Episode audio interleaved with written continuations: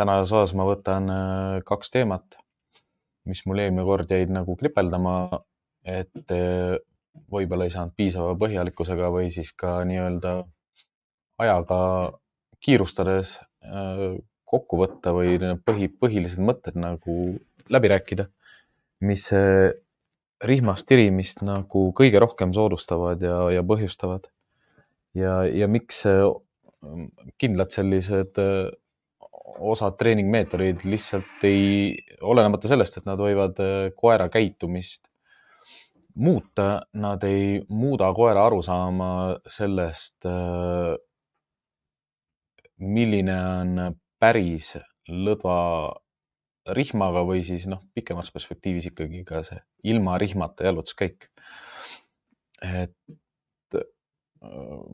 olen pidanud mitmetele klientidele selgitama seda, et ja üldiselt ka, kui tähelepanelik vaataja vaatab Youtube'i videot, siis sealt peaks ka jääma kõrva kõlama see, et lõdarihmaga jalutuskäik on esimene samm sellele, et saaks liikuda ilma rihmata jalutuskäigul paljude inimeste jaoks võib tunduda see uskumatu ja, ja võimatu.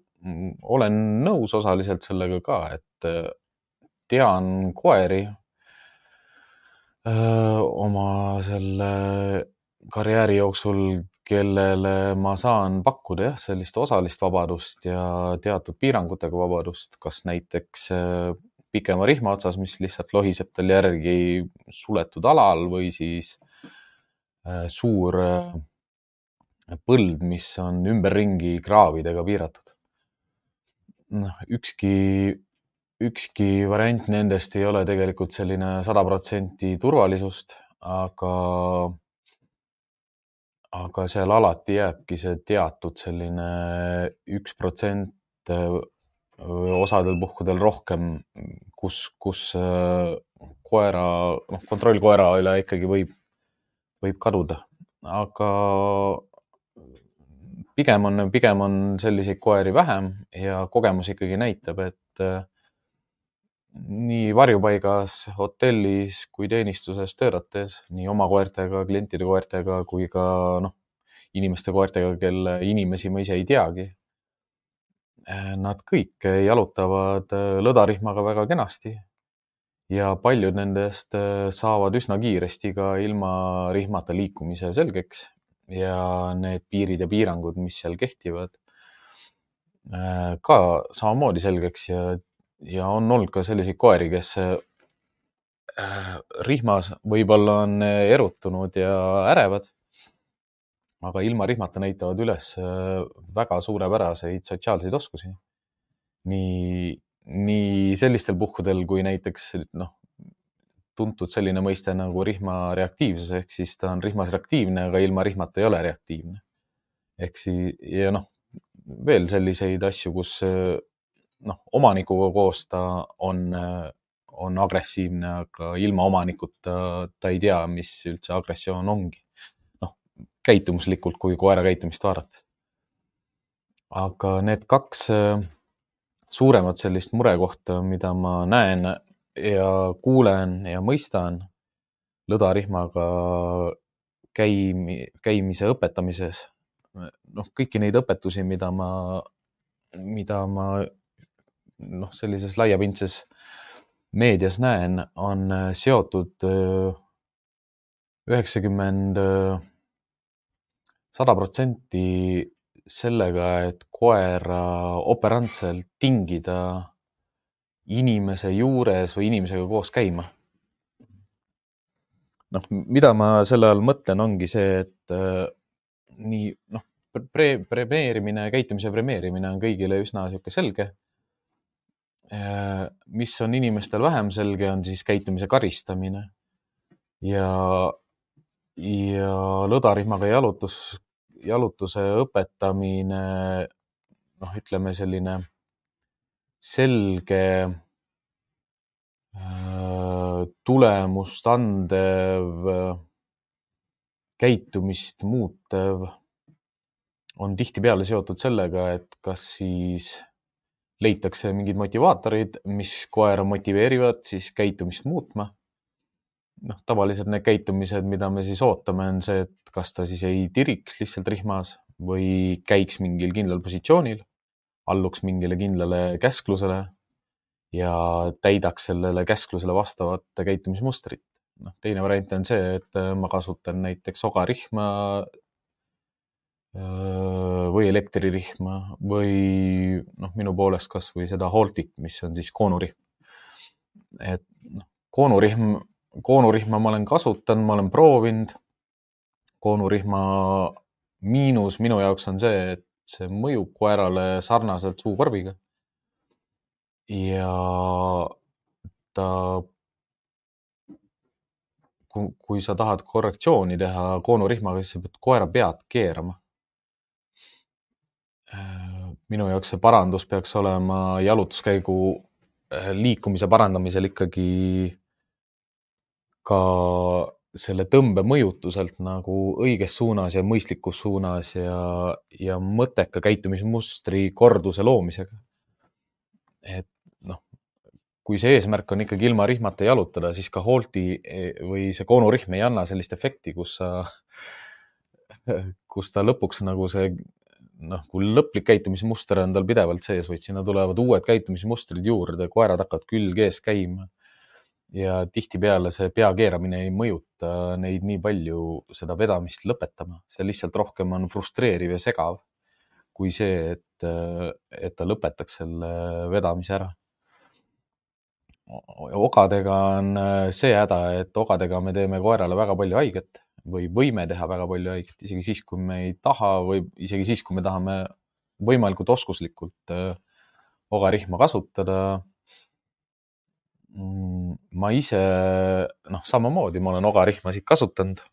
Äh, ma kasutan alati ogarihmasid siis, kui ma lähen äh, kliendi juurde, kelle koer veab ja koeral on näiteks ogarihmad juba kaelas. et selle noh, sellega ma olen nõus, et kui koer juba on harjunud nende ogarihmaga, et siis ma kasutan seda, millega koer on harjunud, sest äh, ma tahan ka aru saada sellest, et kus see praegu, noh, kus maal see koera käitumismuster praegu on.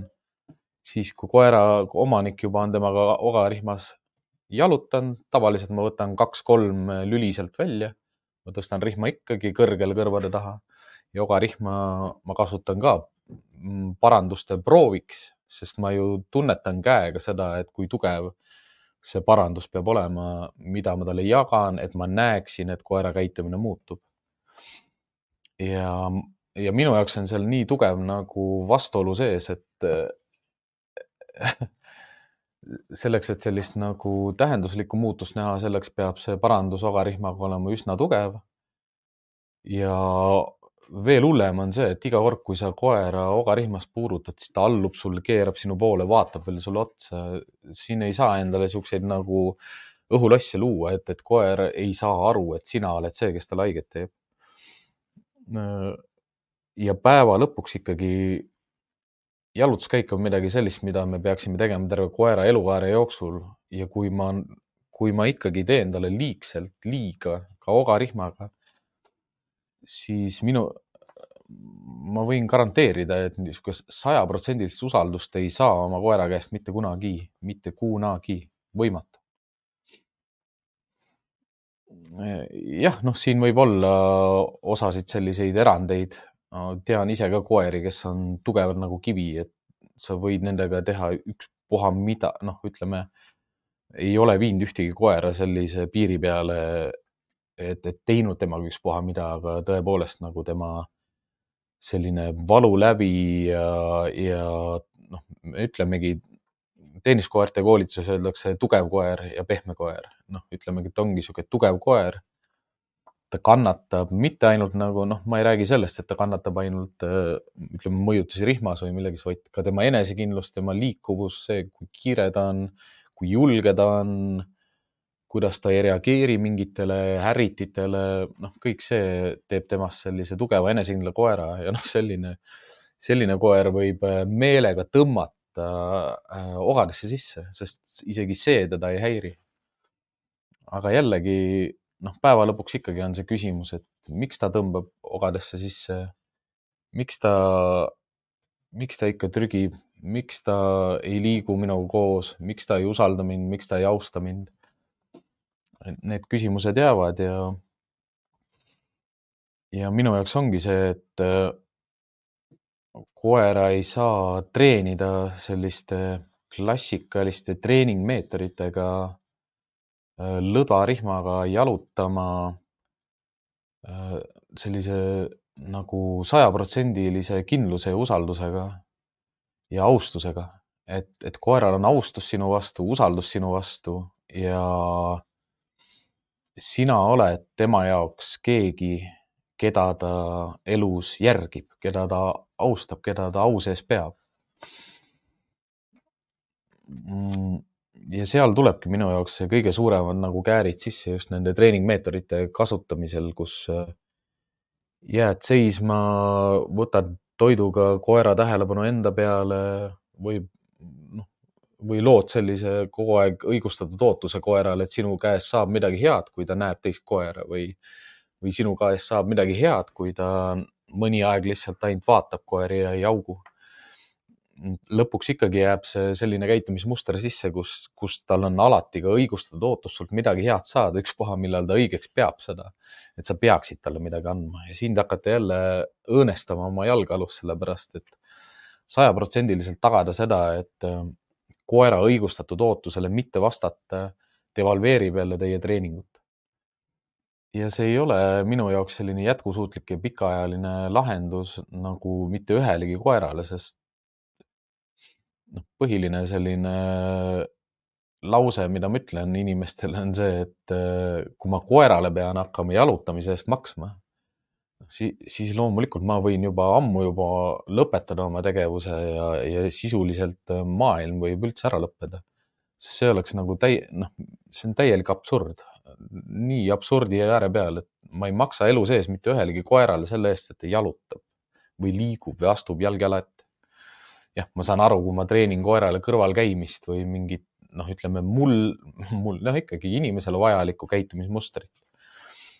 on see siis võistluse moment, on see rallikuulekus, on see näituse, noh, isegi näitusel ei noh, jookstakse ikkagi rihmastatud koeraga.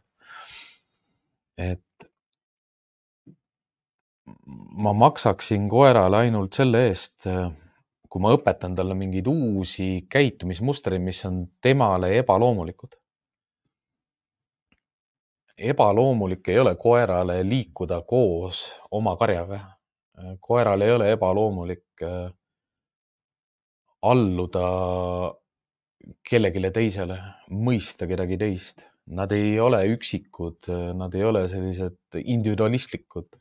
Nad on karjaloomad, neile meeldib teistega suhelda, neile meeldib karjas olla. Nad ei, nad ei vaja küsimus ei ole selles, et, et, et kas nad vajavad alfat või kas nad vajavad äh, kedagi ranget või kedagi, kes kontrollib teda, vaid nad vajavad kedagi, keda austada ja usaldada. ja noh, sellised treeningvõtted, mida noh, ikka proovitakse ja soovitakse kasutada ka sellisel juhul, kui näiteks enam äh, noh, ei kasutata ogarihma, ei kasutata koonurihma, ei kasutata otseselt ka maiust, võib-olla maiust kasutatakse harvemini, noh, premeeritakse iga kord, kui koer õnnestub. noh, ma ei kujuta üldse ette, et, et, et ma sisuliselt peaks ju sellise maiusega õpetatud käitumise puhul iga kahe kuu tagant vähemalt seda käitumist meelde tuletama, mis tähendab seda, et ma elu lõpuni käin maiustega ringi. aga noh, jälle tuleme tagasi selle juurde, et, et see, see ei oleks reaalne maailm. või noh, see, see on reaalsus, mis maailmas on, aga see on äh, naeruväärne ja seda ei ole vaja üldse teha. Mm, noh, sealt äh, sinna vahepeale või siis ütleme niimoodi selle noh, ogarihmade, elektririhma, koonurihma. Äh, noh, traksidest ma täna ei räägi ilmselt traksid on, on vedamiseks, taksid on vedamiseks äh, mõnusad koerale, traksid soodustavad vedamiskäitumise jätkumist ja kinnistumist. Ma ei ütle, et, et traksidega ei saa koera õpetada lõdarihmaga jalutama. eriti väikeste koerte puhul on see palju lihtsam. aga küsimus ongi jälle selles, et kus me koera puudutame, kui me teda karistame. koerad hammustavad üksteist kas kaelast või, või ribide tagant seal, kus on äh, tühi koht. noh, nagu kuidas see inimestel, inimeste puhul siis neer, neerud, neerude juurest või külgede peal, noh, puusadest ülevalpool. et sa ei saa koera parandada, noh, tema, tema rindkere kokku surudes või tema rindkere liigutades. noh, vahet ei ole, kas sa tõmbad rinna pealt, turja pealt või turja, noh, ütleme keskseljalt. Need puudutused ja need mõjutused tulevad vale koha peale, valesse piirkonda, vale, valesse kohta. Et selles, selles osas on, on arusaadav, et, et, et see rihm võiks kuskil siin kaela peal olla noh, tõenäoliselt, aga sellepärast juba kümneid tuhandeid aastaid on ka jahimeestel siin, siin kaela peal olnud, et kõik on aru saanud, et sealt on kõige efektiivsem koera juhtida. aga noh, mulle jääbki alati see natukene kummitama üks küsimus, mis ma sain pärast, pärast eelmist osa, kus, kus ikkagi arvatakse, et, et see, et kui ma keeran ümber, noh, ütleme, et ma liigun, mu koer näeb teist koera, ma näen, ta kehakeel muutub, ma saan aru, et see, et see haukumiskäitumine võib pihta hakata või ta muutub reaktiivseks. ja ma keeran kohe ringi ja lähen teisele poole. ja mõte on selles, et mu koer jälgiks mind.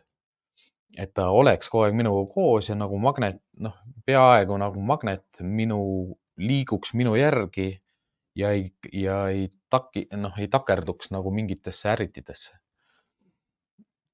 aga reaalsus on ju see, et, et ma pean varem või hiljem tõenäoliselt tegema ikkagi mõne sellise järsema pöörde, kus ma ikkagi tõmban teda mingil määral endaga kaasa.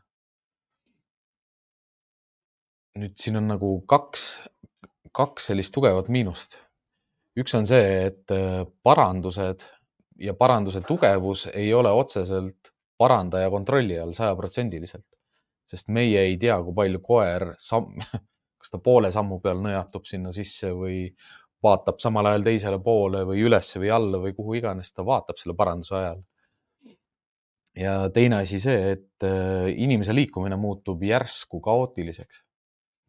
Ehk siis seal puudub selline ka koerte jaoks selline selge edasi liikuv tegevus vaid tehakse mingeid imelikke haake ja pööratakse ringi täiesti ootamatutel aegadel.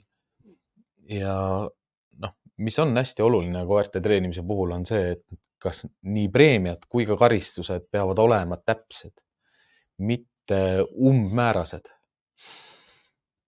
Ise ma õppisin seda üsna valusalt sellise asjaga nagu äh, noh, üsna alguses olid äh, ketist kaelarihmad. noh, koeraga töötades nägid juba ära, et kui, kui need keti lülid hüppavad niimoodi klõkk-klõkk-klõkk-klõkk, siis ta ei saa aru, miks sa klõkk-klõkk-klõkk tõmbad nagu mitu korda, tõmbad teda nagu kaelast, nad hakkavad hästi imelikult käituma. Nad ei saa aru, miks, mitu korda tõmmatakse ja miks see kõliseb ja iga, siis varsti sa näed, kuidas see kõlksumine ja kõik need asjad hakkab seda keti kõlksumise häält panema Äh, maailmas äh, kogetuga kokku. ja noh, või noh, ütleme, et ketist kaelarihm on kõige, kõige arulagedam asi, mis üldse koerale kaela panna, sest sellel on nii palju miinuseid sees. see, kuidas ta puudutusi jagab, see, kuidas ta kõliseb ja koliseb kogu aeg, see, kuidas seda kolinat ja asju panna, hakkab koer enda jaoks nagu mõttemustreid või mälumustreid looma ja käitumismustreid sellega seoses ja tähendusi looma sellele helile ja nendele äh,, nendele ebaregulaarsetele parandustele. See, see võib mõne koera täiesti segi keerata. teine asi, mis läks natukene edasi, siis kui ma juba teise koera sain siis ma mõtlesin, et kutsikaga, noh, vanema koeraga ma kasutasin Flexit selleks, et hoonetest inimesi otsida, sest noh, hoonetes saab töötada Flexiga. metsas ei saa Flexiga üldse töötada, hoonetes saab Flexiga töötada, sest sa ei pea rihma kokku kerima.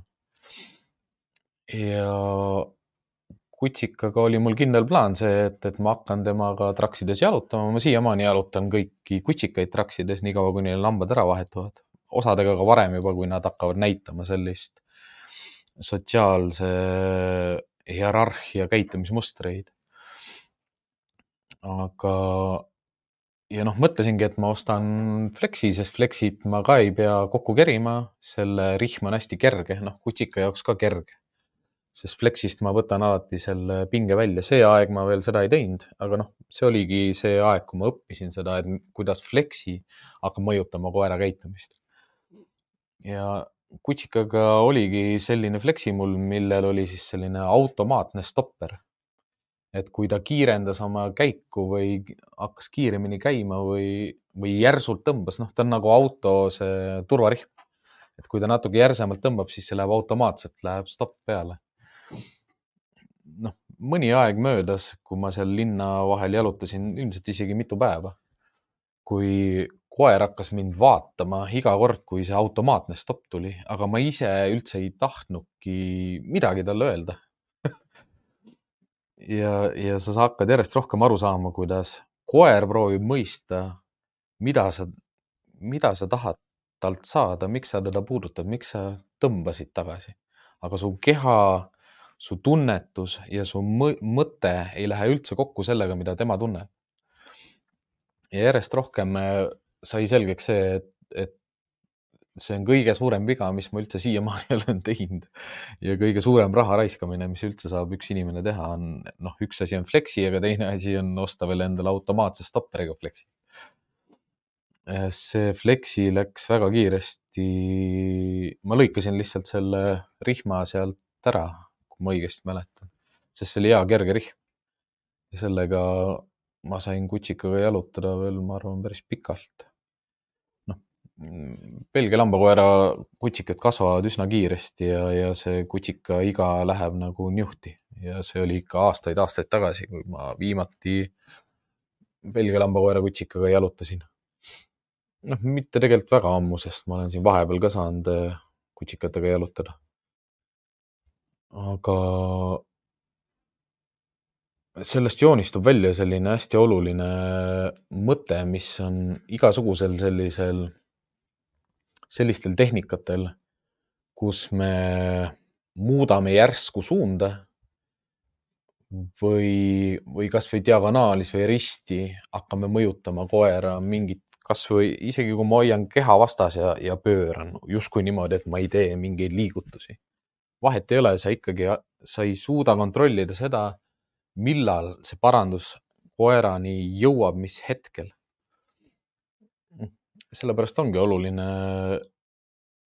noh, näiteks treeningrihma kasutades just need, need punktid, mis on, mis on rihma omadustes nagu olulised.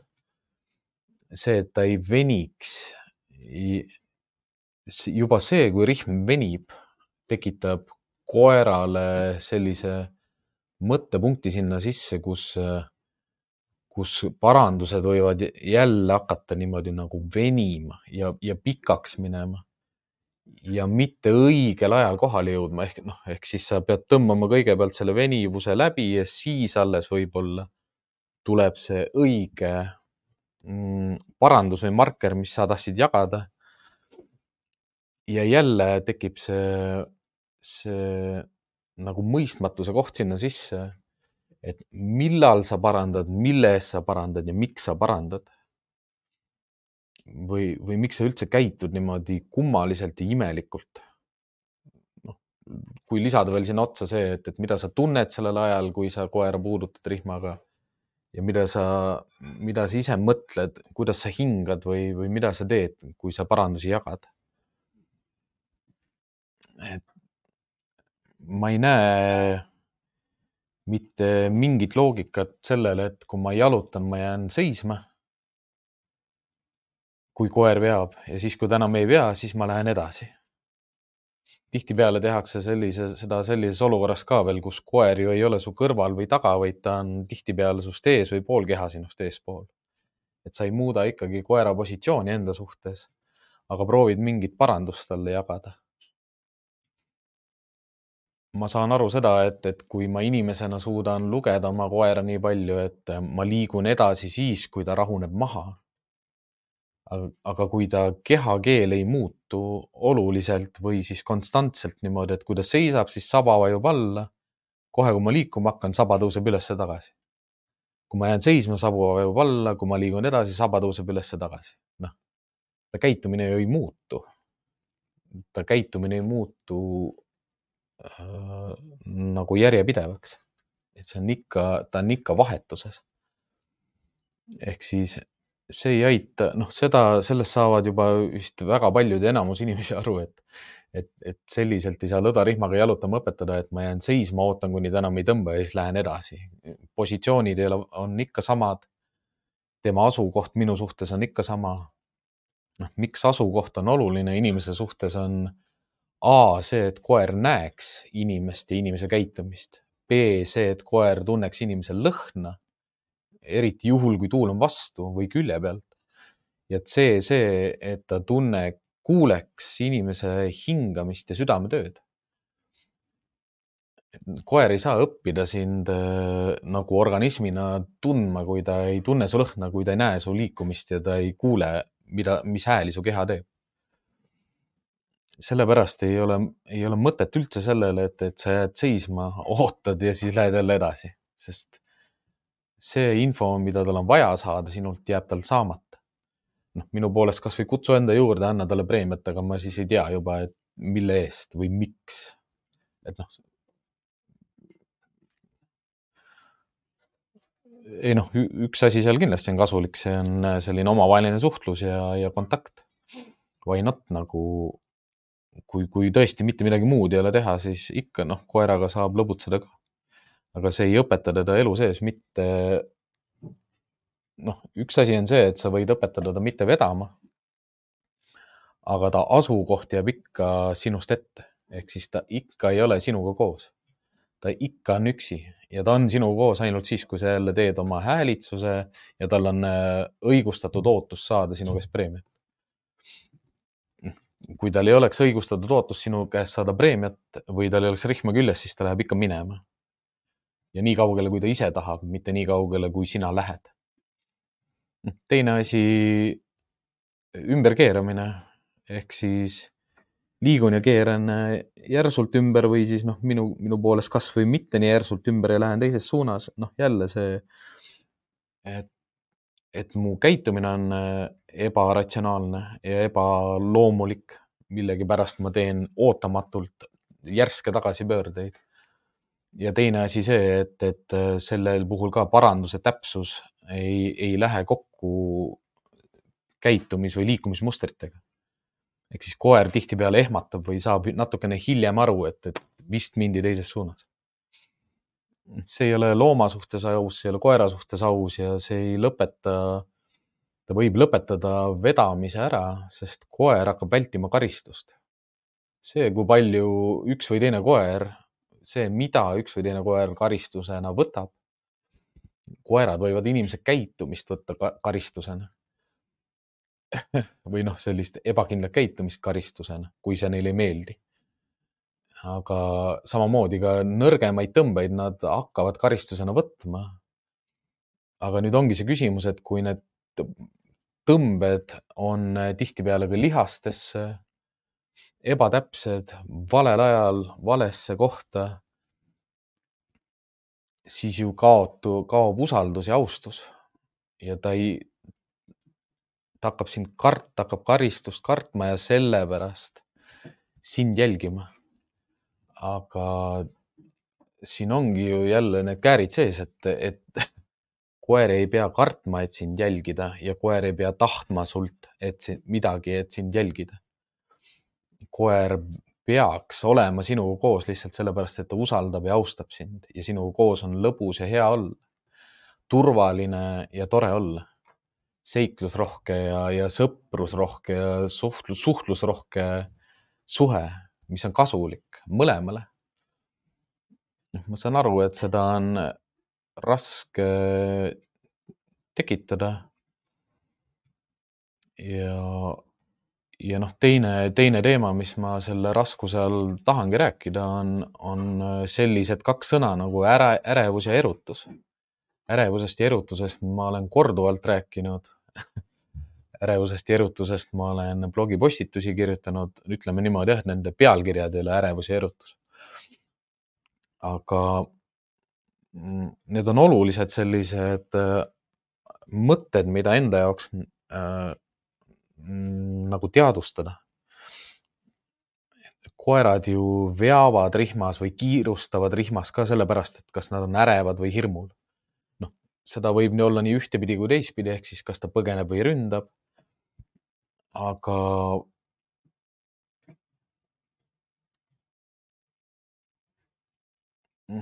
rihm ja kontakt peabki olema selline, äh, rihma kontakt koeraga peabki olema selline, mis, mis annab koerale selle rahu.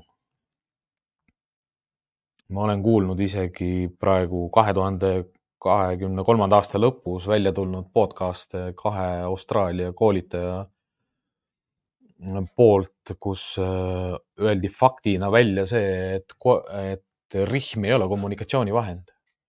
Rihmaga ei õpetata koerale kommunikatsiooni, rihmaga ei saa koeraga kommunik-, kommunikeerida. noh, ma tõesti, ma ei, ma ei kujuta ette, kus kohas need inimesed elavad nagu või milliste koertega nad öö, äh, töötavad või, või, või kui palju sa pead nagu uskuma mingit teist suunda.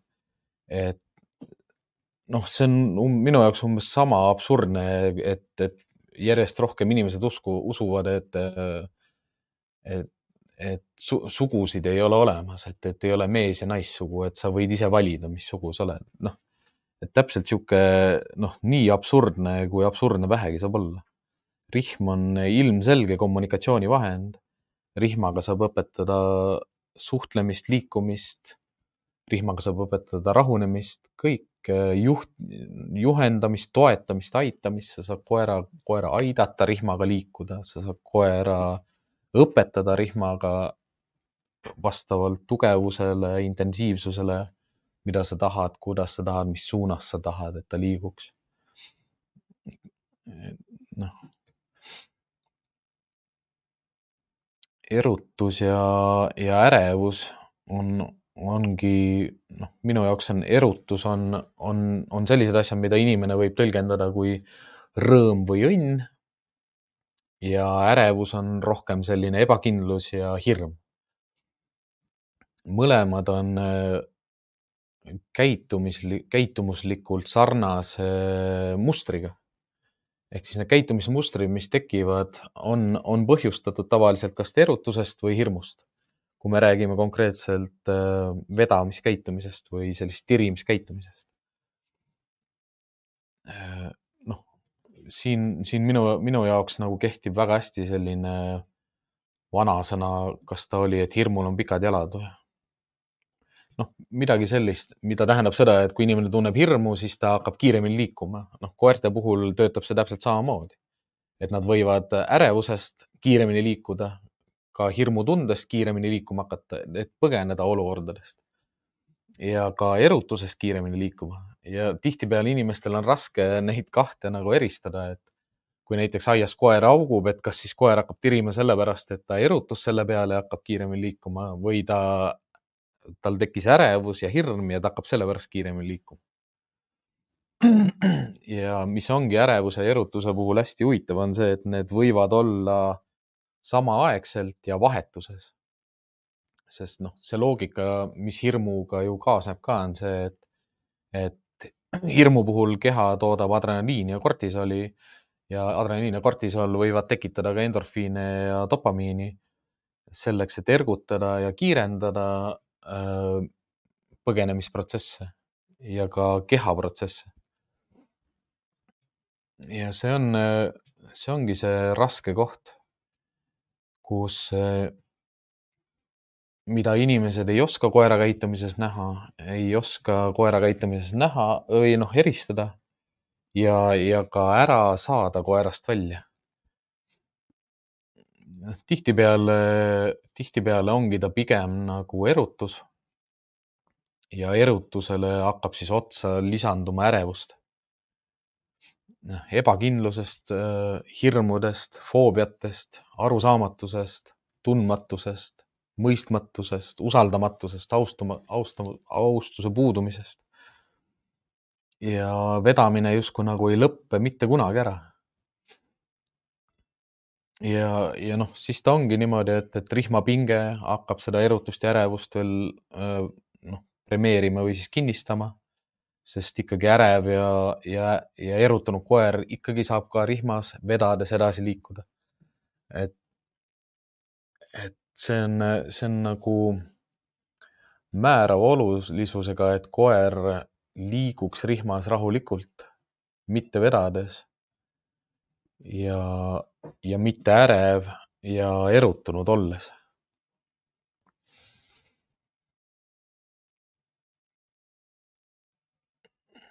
Noh, samamoodi ärevat ja erutunud koera võib ka treenida ja õpetada minu poolest maiustega, minu poolest koonurihmaga, minu poolest ogarihmaga või mõne muu laia rihmaga või kasvõi traksidega aga see ei, see ei õpeta teda mitte ärev ja erutunud olema. see jääb ikkagi sinna alla. Sama asi, et ärevale ja erutunud koerale ma saan ka preemiat anda. kuna, kuna tõenäoliselt ta tuli ikkagi minu juurde ja näiteks istus, aga ta on ikkagi ärev ja ärev, erutunud ja ärev. et ma, minu jaoks on see maiusega jalutuse, liikumise, jalutuskäigu mittetirimise treenimine ka täiesti absurd. Et ma ei peaks koerale, üks asi on see, et ma ei maksaks talle liikumise eest, aga teine asi on see, et ma ei saa ka ju premeerida, kui ta meeleseisund on vale. et ei saa päevast päeva premeerida valet meeleseisundit ja olenemata sellest, et see fassaad näeb hea välja ja käitumismuster on äh, mulle soovitav. ja see on nii, see on nii kahju mõnes mõttes, igas mõttes, et ei saada aru sellest. ja ei nähta sellist nagu pikka kahju või siis pikaajalist võimalikku kasu, mida lõdarihmaga jalutamise õpetamisest saada, saab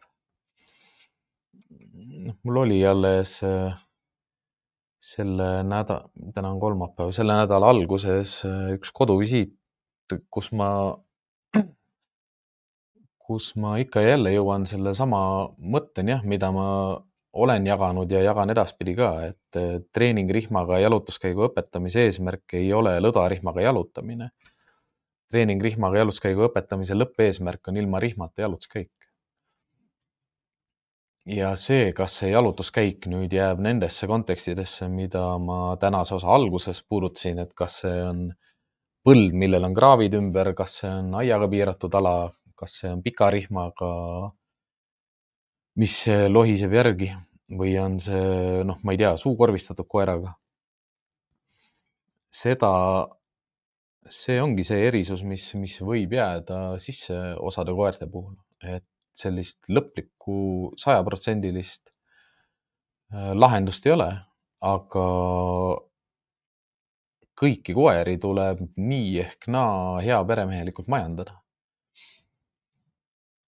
Ja hea peremeheliku majandamise puhul ongi ju küsimus see, et kas tõesti mul on vaja kasutada suukorvi, kas tõesti mul on vaja noh, seada mõned muud piirangud rihmaga või aedadega või väravatega või, või aedikutega.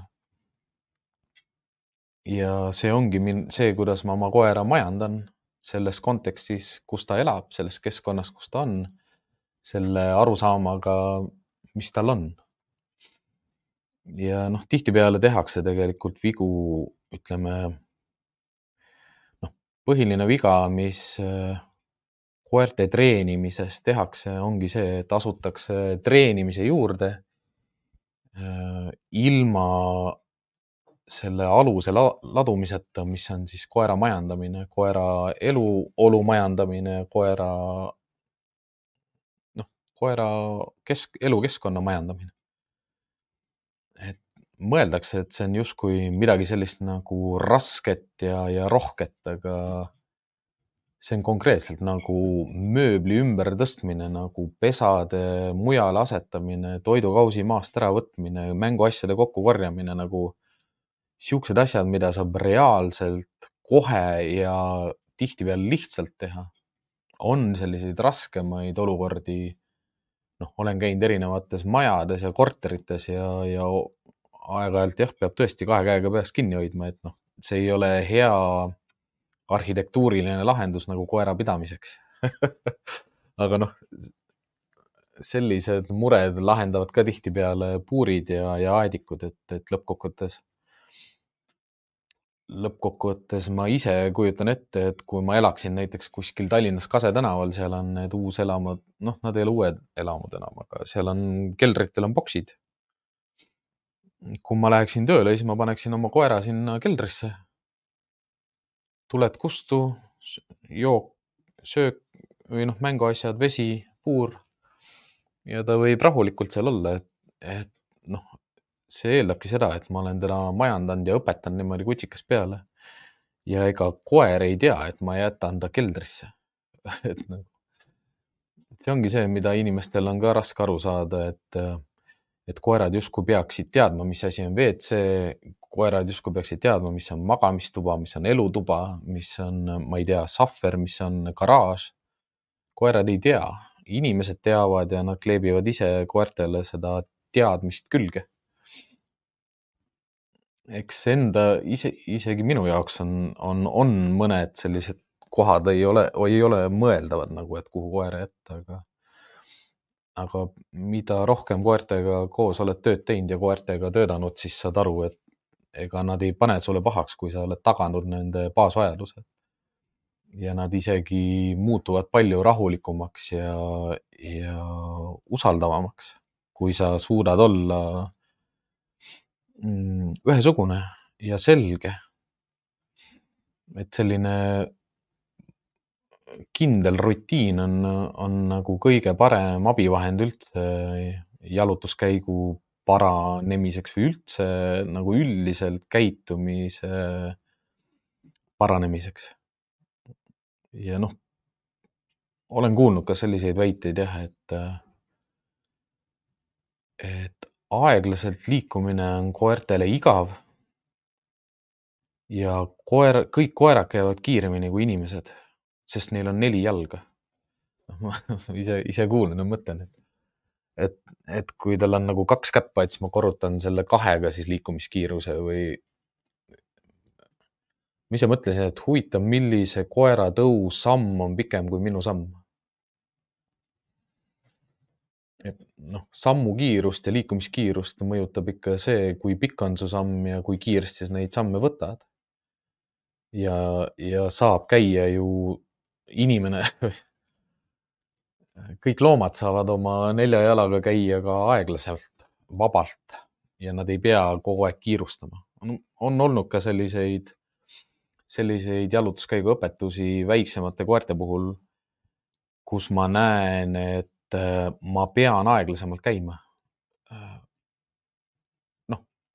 juba käib ilusti lõdarihmaga, juba ei, noh, ei augu mitte millegi peale, mitte kellegi peale, ei ole reaktiivne. aga tunnen ikka, et koer on kuidagi nagu ärev ja erutunud. ja tihtipeale noh, kui käid mitmete paljude erinevate koerte tõugudega, nende turjakõrgused on erinevad ja tegelikult sellest olenevalt on ka nende liikumiskiirused. Äh, noh, ütleme nagu noh, kuidas seda liikumiskeerust enda jaoks nagu mõtestada, ongi see, et, et mis on selle koera selline naturaalne liikumiskiirus, kus ta on äh, rahulik, ehk siis kus ta veel ei erutu või ei ärritu ja kus ta neerupealsed ei hakka teda toetama adrenaliiniga või muu dopamiini või endorfiiniga, et, et seda liikumist äh, premeerida et leida iga koera puhul selline õige liikumiskiirus, mis aitab teda väga palju, kui ta ei ole erutunud ega ärritunud ega stressis, kui ta liigub. see on koerte jaoks nagu zen, et inimeste jaoks on ka täiesti liikuv meditatsiooni, liikumise pealt meditatsioonivõtted olemas. ja koertel töötab see ka sama hästi, väga hästi ja selle väikse koeraga ma pean endale, noh, kuna ta on mu elukaaslase venna koer, siis pean endale iga kord meelde tuletama, kui ma temaga jalutus käin, et äh, liigu aeglasemalt. sest kui ma käin temaga kiiremini, siis ta, siis ta muutub hästi ärevaks. sest äh, ta peab oma käppasid liigutama hästi kiiresti, noh, ta ei saa veel jooksma hakata. aga selleks, et minuga sammu pidada, peab hästi kiiresti käppasid liigutama. ja ma pean oo tõsiselt maha võtma niimoodi, et minul endal on ebamugav liikuda, et tal oleks mugav liikuda rahulikult. et see tundus nagu nii, nii kom-, noh, nii naljakalt naljakalt noh, nagu komöödia või selline arusaamatus nagu, et mis kohaga sa mõtled, kui sa ütled selliseid asju välja, kas sa, kas sa lähened kõikidele asjadele, mida sa näed ja kuuled emotsionaalselt ja sa ei suuda absoluut, igasugune ratsionaalsus on sinu jaoks juba kaotatud kõiges, mida sa näed ja loed.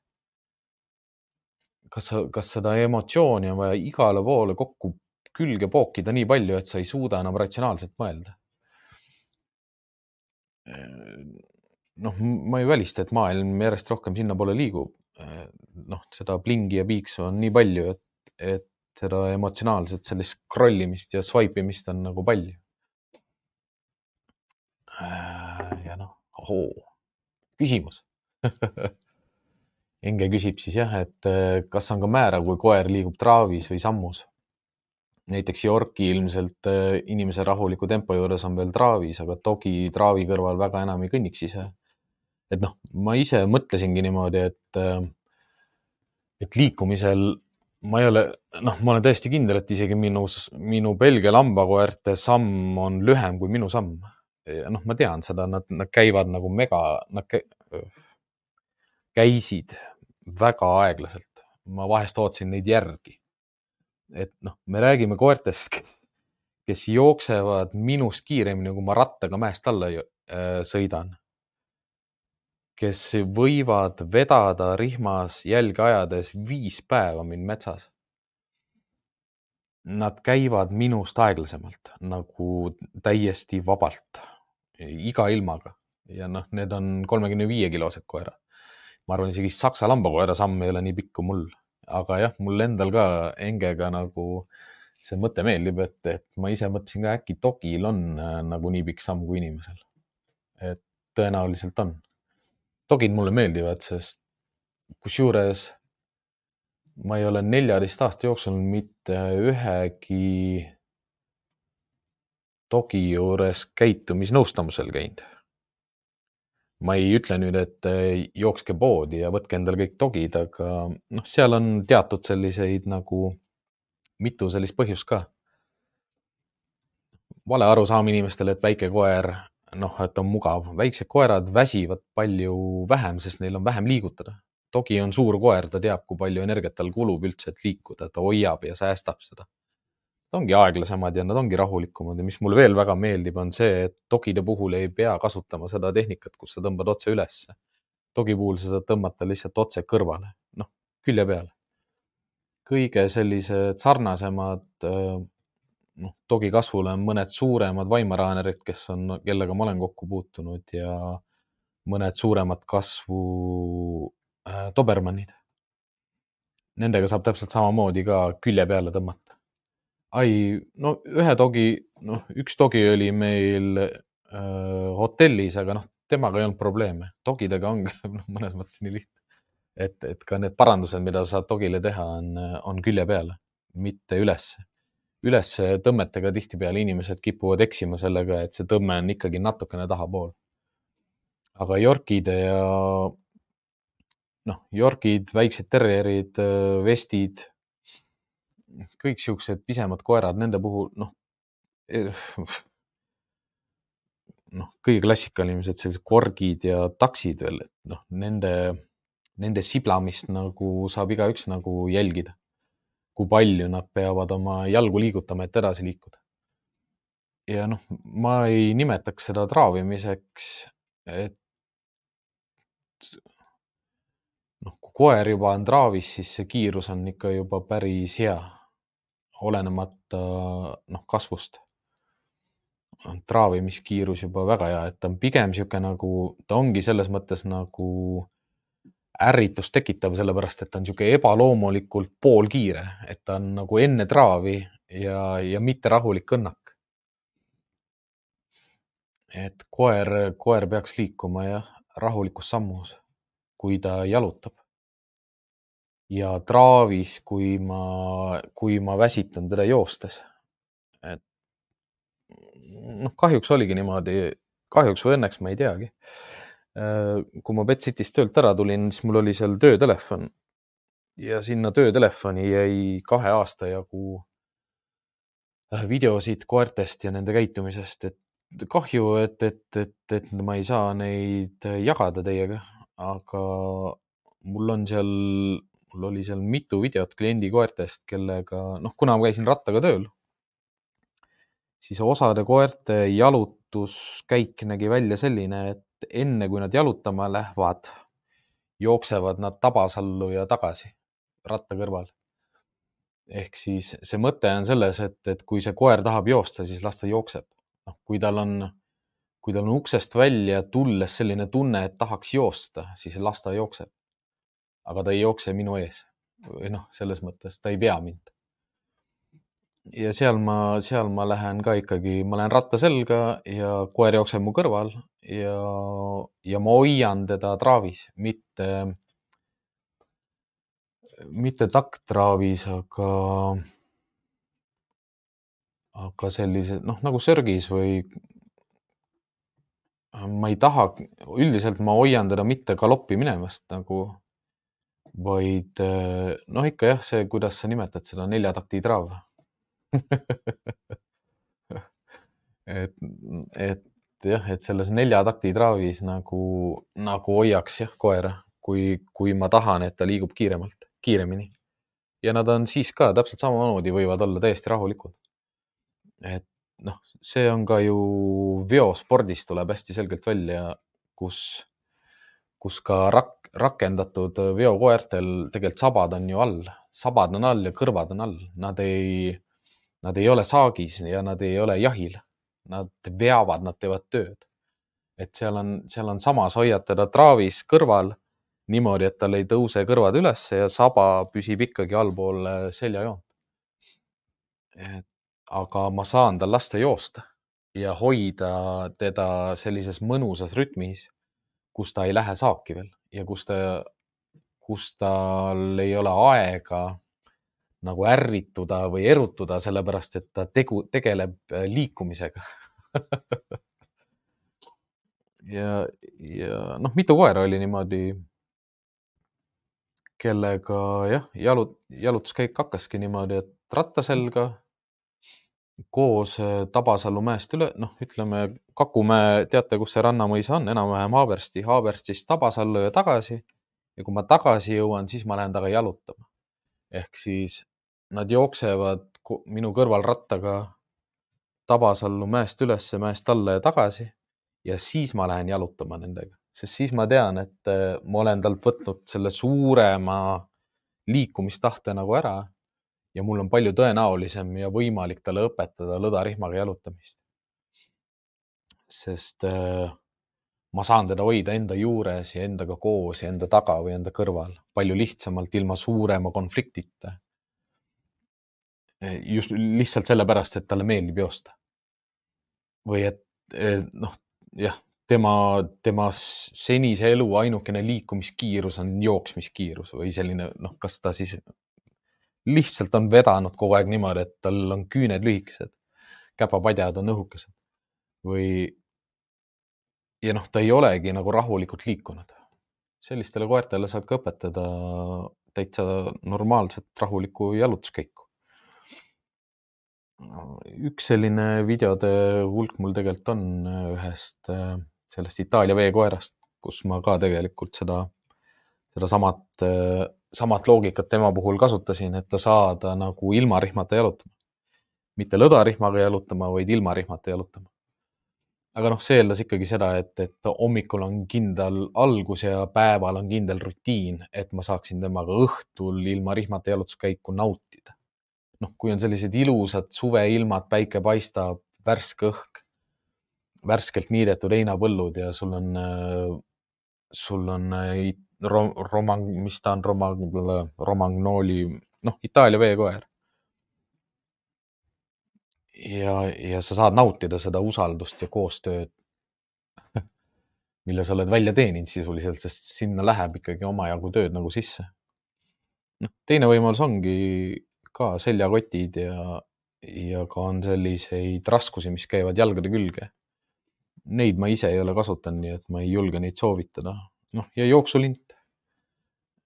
Jooksulint on hea vahend nagu just selle e-, esimese tuhhi nagu mahavõtmiseks ja siis lähed jalutama, et noh, Betsitis oli ka, oli see treeningsaal, et kui ma koera, koerad võtan äh, hotelli osas, siis ma lähen alguses sinna pissimise kohta, kus nad pissivad.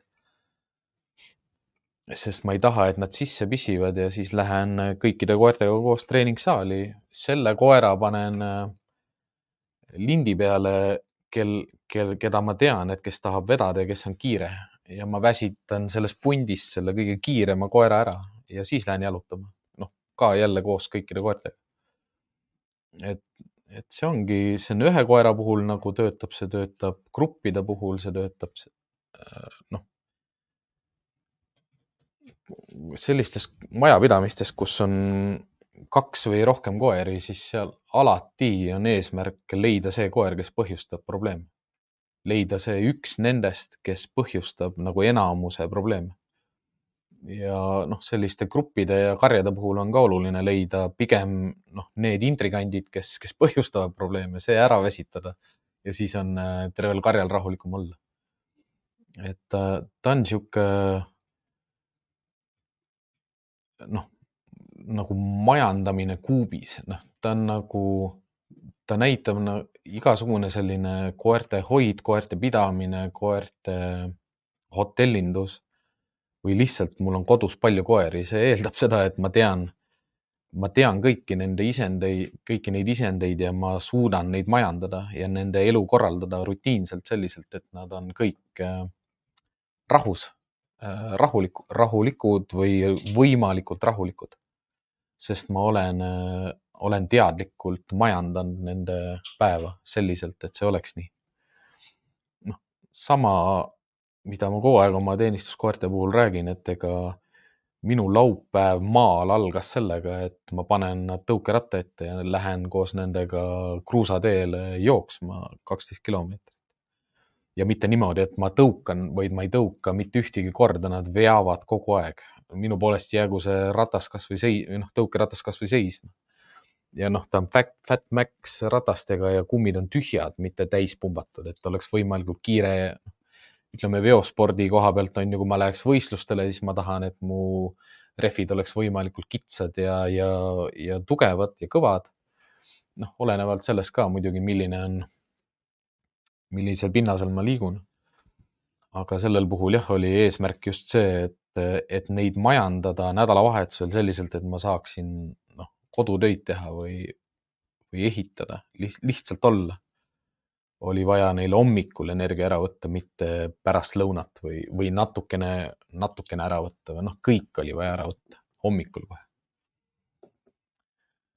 Äh, Enge küsib, et kui palju sa oled näinud, et toitumine või selle muutmine täi-, selle muutmine, täiendamine muudab koerte käitumist, erutust, ärevust? Toiduga mul seostub ainult äh,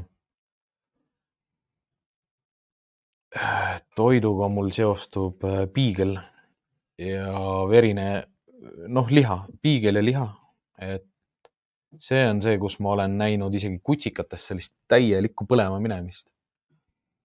Äh, soovitan piigli omanikult tihti, et ärge talle äh, värsket liha mitte kunagi tutvustage. Ja teine koht on alati see, noh, ütleme treeningud, treeningutes me ju mõõdamegi seda, kui palju erutust tekib erutust tekitab mingi toit, kui, kui motiveeriv, kui premeeriv on mingi toit on. aga kui me räägime toitumisest või dieedist, ütleme siis sellest, et mida koer sööb, siis äh, ma ei ole näinud mitte ainult käitumise muutust, vaid ma olen näinud noh, ka ju kehade muut-, noh, keha muutust ja kognitiivset muutust.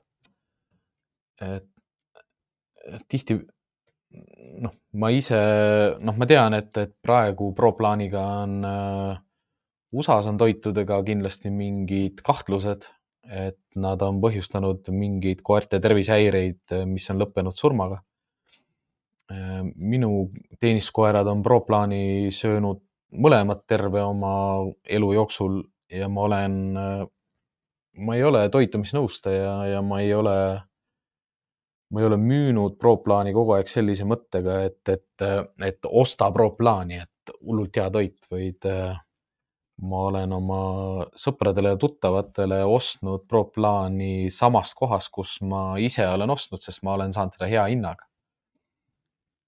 sest kui ma ostan äh, seda suuremaid koguseid, siis saad ju hea hinnaga ja, ja need äh, kogemused, mis mul on olnud sellise, et ma olen sõbra koerale ostnud Proplaani, noh näiteks Atleticut, on, äh, on samamoodi inimesed tulnud ja tänanud mind ja, ja öelnud, et nad ei tunne enam oma koera ära. et toitumine mõjutab väga palju koera käitumist ja välimust. ja, ja toiduga ongi, noh, toit on koera seedekulg on hästi lühikene, koera karv ja nahk mõjuvad hästi, äh, reageerivad hästi kiiresti muudatustele. ja noh, seal ei jää mitte midagi nagu saladuseks, et, et kas sobib midagi või ei sobi midagi. ja samamoodi ka, et, et kui lisada midagi dieedile, et, et kas sellest on kasu või sellest ei ole kasu või, või mitte midagi ei muutu, et sa näed kohe nagu nagu ära, kui midagi muutub. no jah, kui vahest tekibki selline, sellised jah, mikro ja makrode, makrode küsimus, siis noh, me räägime ikkagi ju süsivesikutest ja valkudest ja rasvadest. et mikrod ja makrod peavad kindlasti paigas olema, et proteiine ei soovitata ikkagi, et, et et koeratoidud sisaldaksid rohkem kui kakskümmend viis või kakskümmend kaheksa protsenti proteiine. aga noh, see ongi see, et, et koerad ei pea nagu hommikust õhtuni liha sööma, et, et täitsa tavaline. noh, pigem see, et koeratoidus oleks kvaliteetset liha, lihasaadusi, mitte, mitte lihasaaduste jääke ja lihasaaduste kõrval äh, saadusi. et seal oleks kvaliteetset liha. noh, pigem siis sa vaatadki rohkem nagu kanaliha või lambaliha poole, aga noh, ma vaataksin rohkem kanaliha poole. kuigi inimeste toitumise koha pealt jah, kanaliha oleks rohkem niisugune nagu jänesedieet, et üsna vähe toite. Mm, ja noh, jällegi ei ole üldse õige inimene nagu, nagu kaasa rääkima mm, toitumissoovituste koha pealt jah aga ma ei mäleta ka seda, et ma ole, noh, et mina, mina peaksin olema see, kes jälgib mikrosid ja makrosid, et seda teevad äh, kvaliteettoitude tootjad. ühegi toidutootja soov ja, ja, ja selline unistus ja visioon ei saa olla see, et toodaks nüüd hunniku sõna otseses mõttes paska, et, et koertele sisse sööta. Et nagu raske uskuda, ma saan sellest äh, ma saan sellest äh, toidusõjast nagu täitsa vabalt aru, et mis on toortoitumise ja, ja kuivtoidu või minu poolest kasvõi konservide andmise nagu vahe. Äh, täpselt sama paralleeli ma tõmbaksin äh, taimetoidu ja, ja lihatoidu vahele, et noh, minu poolest see, see on lõputu, lõputu nii võitlus kui ka see diskussioon selle üle, et mis on, mis on hea või vale tihtipeale ainukesed nõuanded, mis ma inimestele koera toitumise osas annan ja on kehakonditsiooni jälgimine ja, ja koera energia ja, ja, ja tuju, noh, sõna otseses mõttes tuju, kui hea tuju tal on, kui ta mingit äh, noh, mis on see, mis ma olen harjunud, milline ta liikumine ja tuju on ja, ja kui ma nüüd toitu vahetasin, mis siis muutus ja miks see, kas see läks paremaks või, või halvemaks. noh, samamoodi noh, oma koerte puhul lihtsalt, mida ma jälgin, on äh, puhtad hambad, noh nagu valged puhtad hambad. terved, terved puhtad valged hambad. Äh, talje ja tõusev, talje ja tõusev kõhujoon. Ja et karv läigiks, noh, et karv ei läigi mitte sellepärast, et äh, et ma annan talle, ma ei tea, lisalõhi, lõheõli või, või, või mingit lisa, lisatoituainet, vaid ta sööbki seda krõbinat, mida ta sööb. ja ta karv läigib, ta keha on, kehakonditsioon on korras, ta energiatase on normis, ta silmad ei jookse, ta hambad on puhtad, valged ja, ja noh, kõik limaskestad on ilusad roosad, noh, kenad nahavärvi või noh, kehad, sel-, noh, nor-, normaalsed koera värvid ja, ja kaka on selline, et ma saan selle maast üles korjata ja seina peal kirjutada.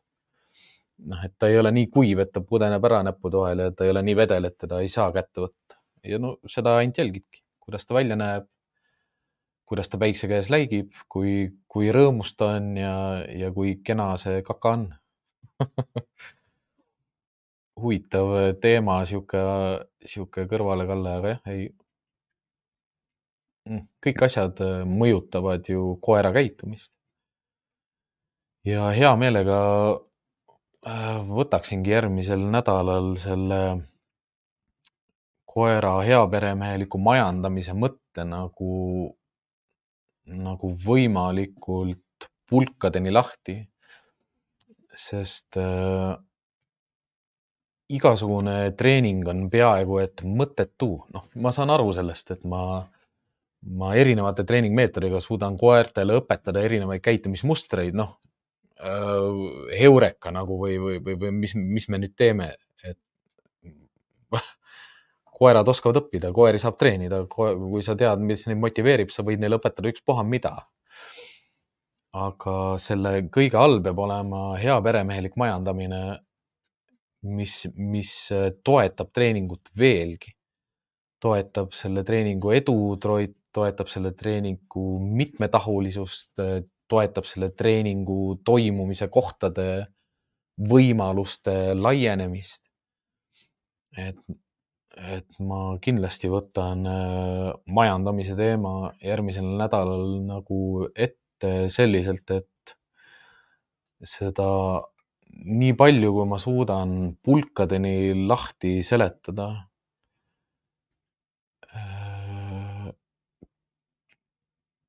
kuidas te lihtsalt saate mõtestada nagu seda, kuidas oma koera eluolu nagu toetada. ja ilmselt ka hakata ikkagi jälgima seda, kus, kus teie ja kus te koer praegu elab.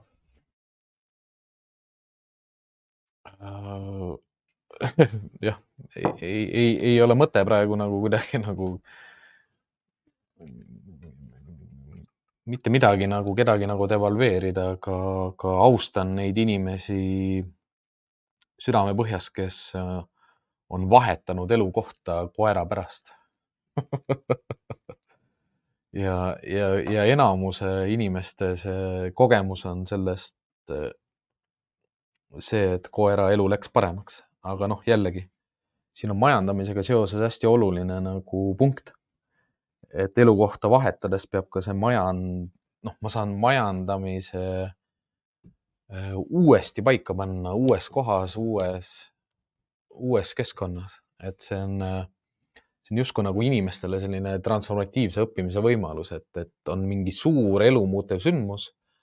nüüd on minu enda valik selles, et kas ma muudan mitte ainult nagu oma asukohta kaardil, vaid ka oma elustiili ja, ja käitumist ja tegevusi, mida ma, mida ma nüüd edaspidi teen või mida ma nüüd enam ei tee või teen teistmoodi.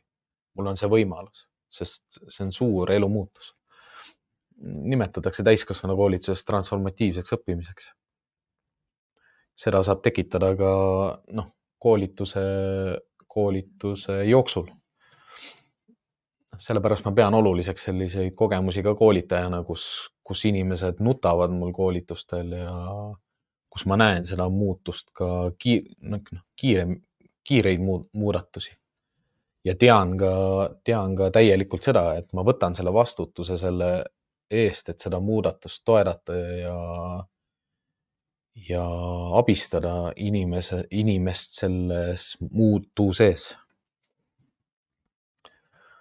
aga jah, järgmine nädal kohtume kolmapäeval, noh, mul oligi väike viga täna sees jah, et ma olin äh, määranud äh, otseülekande ajaks homse päeva, aga seal StreamYardis äh, on noh, kalender nagu Ameerika stiilis, et seal on, nädal on ühe päevaga nihkes.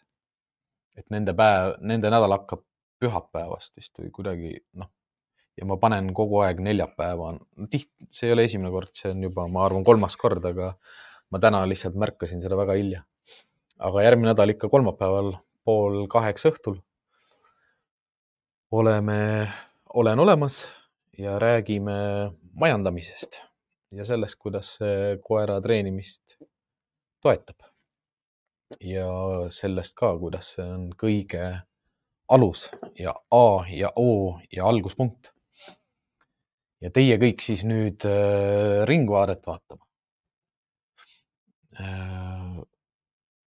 minu jaoks jah, uudisena täna, et Liis Lemsalu seal esineb, aga minu jaoks oluline, ma, kes ei tea, ma töötan äh, Politsei- ja Piirivalveametis ja Ringvaade sõiti või tähendab, Pealtnägija sõitis kaasa Vladimir Zelinski äh, konvoiga terve päeva, et saame saame selle huvitava ja sisuka ülevaate ja tegeliku vaate sellest, et kuidas siis see visiit kulges ja, ja kui professionaalne ja, ja oskuslik on Eesti politsei.